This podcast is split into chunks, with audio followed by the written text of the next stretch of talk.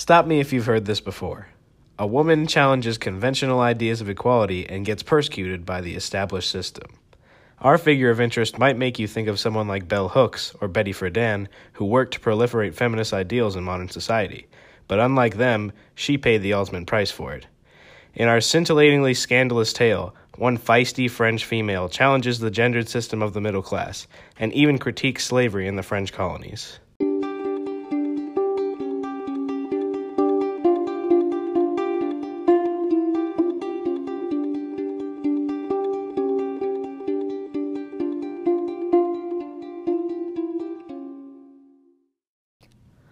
Our figure of interest was born in 1748 France.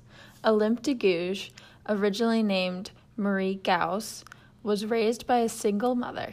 Considered to be an illegitimate child because of her unknown father, Olympe de Gouges had trouble fitting into the idealized middle class society. Her mother arranged a marriage for Marie Gouze when she was only 16 years old. However, the marriage would not last long. After conceiving and birthing her only son, Marie's husband would die, leaving Marie widowed to care for a son at 17 years old. Following the death of her husband, Marie Gouze changed her name to Olympe de Gouges and moved to Paris.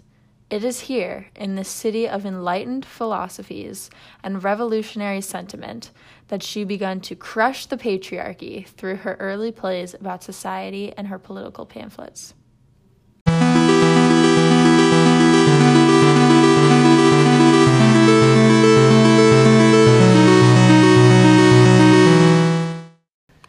1780 marked the beginnings of Olympe de Gouges' early theatrical pieces, which focused on addressing societal inequalities in France.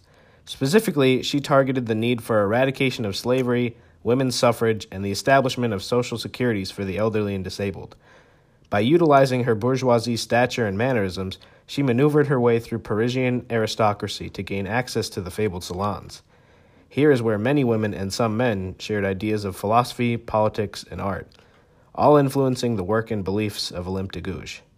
Taking the ideas from the salons in her own life, during the revolutionary periods of Paris, she used her writing to appeal to Marie Antoinette, hoping the queen would realize the power of her position and use it to uplift the oppressed demographics of France. Some of the more well known and powerful works of de Gouges include her plays about slavery in the French colonies, one of which had the role of protagonist played by a slave, which had never been done before. Her writings commenting on the barbaric realities of slavery were accused of helping to incite the revolution in Haiti by the slave population. The violence and brutality the slaves faced daily was reversed when seeking freedom from their oppressors, something Olympe de Gouges condemned, many would say hypocritically. Following the revolutions and the publication of the Universal Rights of Man, Olympe de Gouges was disheartened by the lack of rights and freedoms afforded to women who had fought alongside the men during the Revolution. De Gouges felt that their sacrifices were being ignored and their abilities overlooked.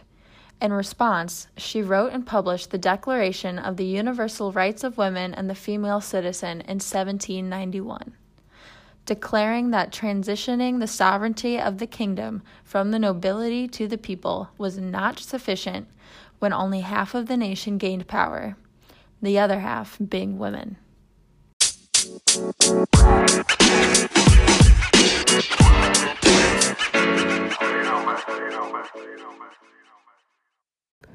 Towards the end of her life, Olympe de Gouges was concerned with the raising power of Robespierre and his band of revolutionary miscreants.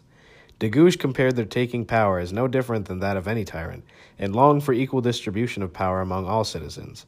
However, Olympe de Gouges long favored the idea of a constitutional monarchy, similar to that of Great Britain's. Many, including Robespierre, considered a constitutional monarchy to be treasonous against the newly established government model. Daringly, Olympe de Gouges offered her services to defend King Louis XIV from execution. This and pro constitutional monarchy sentiment in her political pamphlets did not provide de Gouges with a good defense when defending herself against accusations of being a monarchist. Our hero met her untimely demise by raising hell in the New Republic, which upset Robespierre, her number one hater. She was led to the guillotine, along with other French undesirables who were thought to be colluding with the monarchy. Despite her decapitation, her thoughts and ideas lived on in the hearts of the French forever.